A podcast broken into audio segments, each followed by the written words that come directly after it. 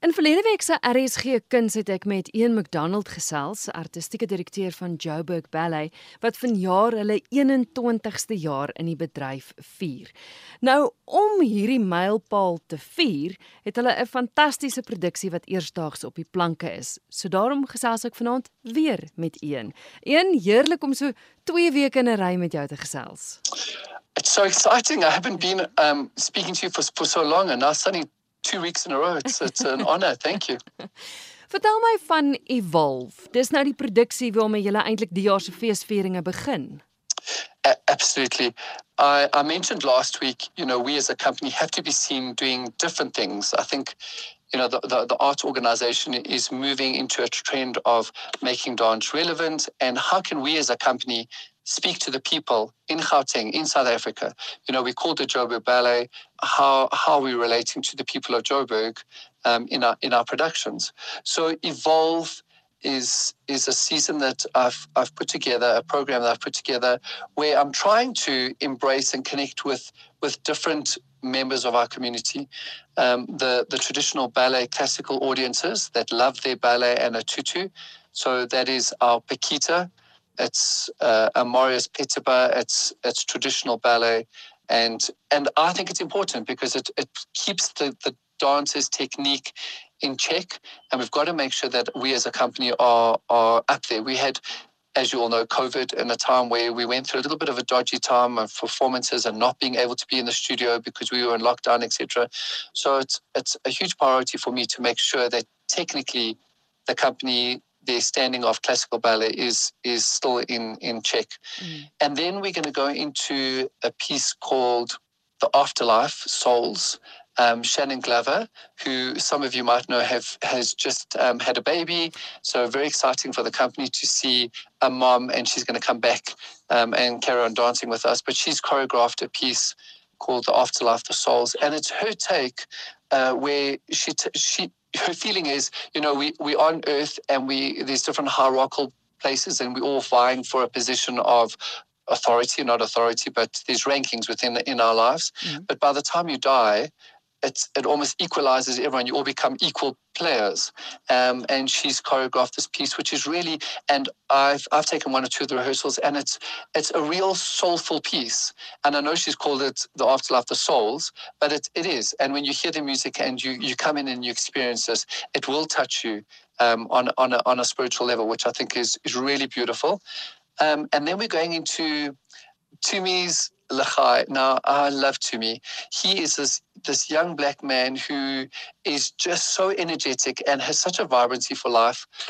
Uh, a year or two ago, I choreographed a thing called Nutcracker with a Twist. And it was a take on Nutcracker, but we, we, we changed it up a little bit and we modernized it.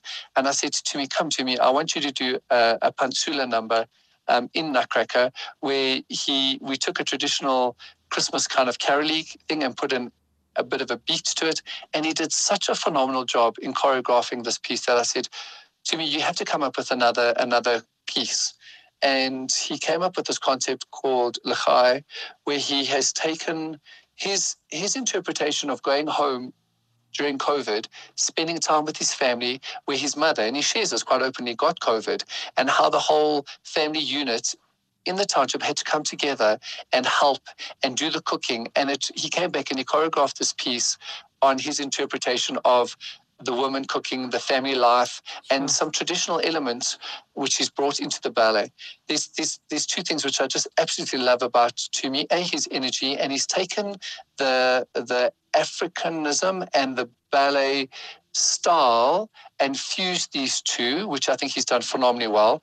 And he has such the second point that I really love about him is he's got a natural um, ear for rhythms, and you, we can all hear a beat, but Batumi has a way of of almost hearing a counterbeat and getting some rhythms and and a dance style on that, which I think is is working beautifully. So I'm very excited for Tumi, and he's got he's got a great choreographic eye. So I'm I'm excited for audiences to see to see this piece, and then our last part of the the evening is going to be called the game, Mario Gaglioni, um, also again a, a, dancer within the company, um, is, has choreographed this piece.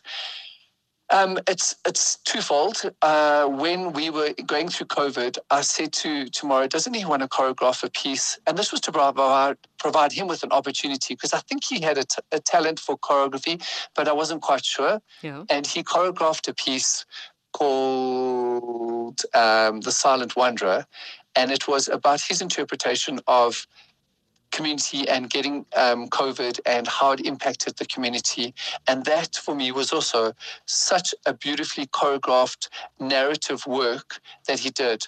And then I was sitting there the one day and I was thinking, you know, if we go into lockdown again, and we have to social distance and we can't be together because we as a company have experienced that where we had a whole program together sorted arranged to perform.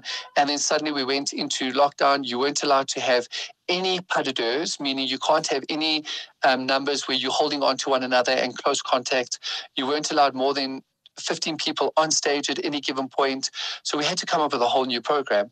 And I said to Mario, you know what we should think about doing? We should we should think about doing a piece that's based on a chessboard and we, we can call it chess or we can call it whatever, where each dancer is in the individual block on a chessboard. So if we ever have to go into lockdown, we can still do the piece because they're not interacting um, with one another. They're in their little one and a half meter chess piece on this on the board. So I thought, oh, that'd be a good idea to to choreograph something like that. Yeah. And he said, oh, yeah, he'd love to do that. And he's taken this concept and actually taking it to a whole nother another level. And he's done such a fantastic job about the chess game. It's the the the fighting of kings. It's a male and female take on one another. It's and he's really come up with a, a wonderful, I want to say, a neoclassical, almost contemporary style piece.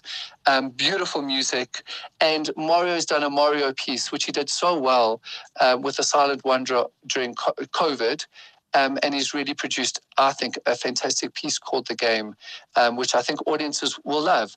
What I love about it, it's almost showcasing the company, A, the classical ballet, an African element with Tumi. There's a, a neoclassical element with, with Shannon's The Afterlife Souls, and then this contemporary work, The Game. So it really shows the strengths of the company um, transcending all these different dance genres and showing the audiences wow, you can actually come and be transported to a whole world with a company and where we are focusing on different different stories um, and showcasing the strengths of the company. Mm, ek dink is wonderlik ook die feit dat jy vir soveel jong koreograwe die geleentheid bied om om ja. reg hulle werk op die verhoog te sien. Wanneer Which, is dit te sien? Waar's dit te sien en hoe maak luisteraars om kaartjies te kry? Well, I'll be so excited if, if audience members would come and support us. We open on the 25th of March, so it's, it's quite soon. Um, we open here. We are based at the Joburg Theatre um, on the Nelson Mandela stage, on the main stage. So that is on the 25th of March. We do um, an evening performance, and uh, I just would like to point out that we are also going to try and stick with some earlier times. So the performances are at 6:30 um, which you know we normally used to doing an eight o'clock show or an evening, but because of where we've been with COVID and having to be on uh, restrictions of times and things like that and curfew, um, so we we're not taking any chances. So we are doing 25th of March. We open at 6:30 is our first performance. We are going to do the Saturday matinee at three o'clock and the Saturday evening at 6:30, and then the Sunday, the 27th of March at three o'clock. And then I've, I'd like to tell you that on Wednesday morning at 11 o'clock, we're going to have a performance here. And they, those performances used to do so well, and we haven't done them for a while, where it's for, we call it schools performance. It is now listen to this 100 rand a ticket what can you get for 100 rand now i mean i know we're all complaining about the price of petrol going up and the cost of living but really 100 rand to come and watch a live performance wednesday the 30th of march at 11 o'clock and then we do the Friday, the 1st of April, 6.30, Saturday at 3 o'clock, and then we end our season on Sunday, the 3rd of April at 3 o'clock. So there's, there's limited performances. So as I've just said now, you can get a ticket for 100 Rand. Um, there are other uh, for other shows starting at 200 rand a ticket and our most expensive is 475 rand a ticket which in the greater scheme of things is actually not that expensive and we're really trying to make it accessible for people mm-hmm. so to book tickets you either contact the Joburg Theatre, you can contact the Joburg Theatre box office, um, you can contact www.webtickets.co.za. um, .co.za. Uh, you can contact Joburg Ballet, and you can do that by going info at joburgballet.com. Um, or I'm going to give you a number. It's a Johannesburg number 011. It's 877 6898. Um, and you can call that number and you'll be able to be assisted and you can book your tickets um, with these pensioner discounts. If you're a friend of the ballet, there's discounts of up to 35%, which I think is quite a substantial amount. So you need to be a, a, fr- a, member of Friends of the Ballet, which is also easy to sign up with. There's groups of 10, you get a 10% discount. So we're really trying to make it accessible for as many people as possible. But 25th of March at the Joburg Theatre on the Nelson Mandela, the main stage, come and support Joburg Ballet, your ballet company, in the season Evolve um, and it runs until the 3rd of April.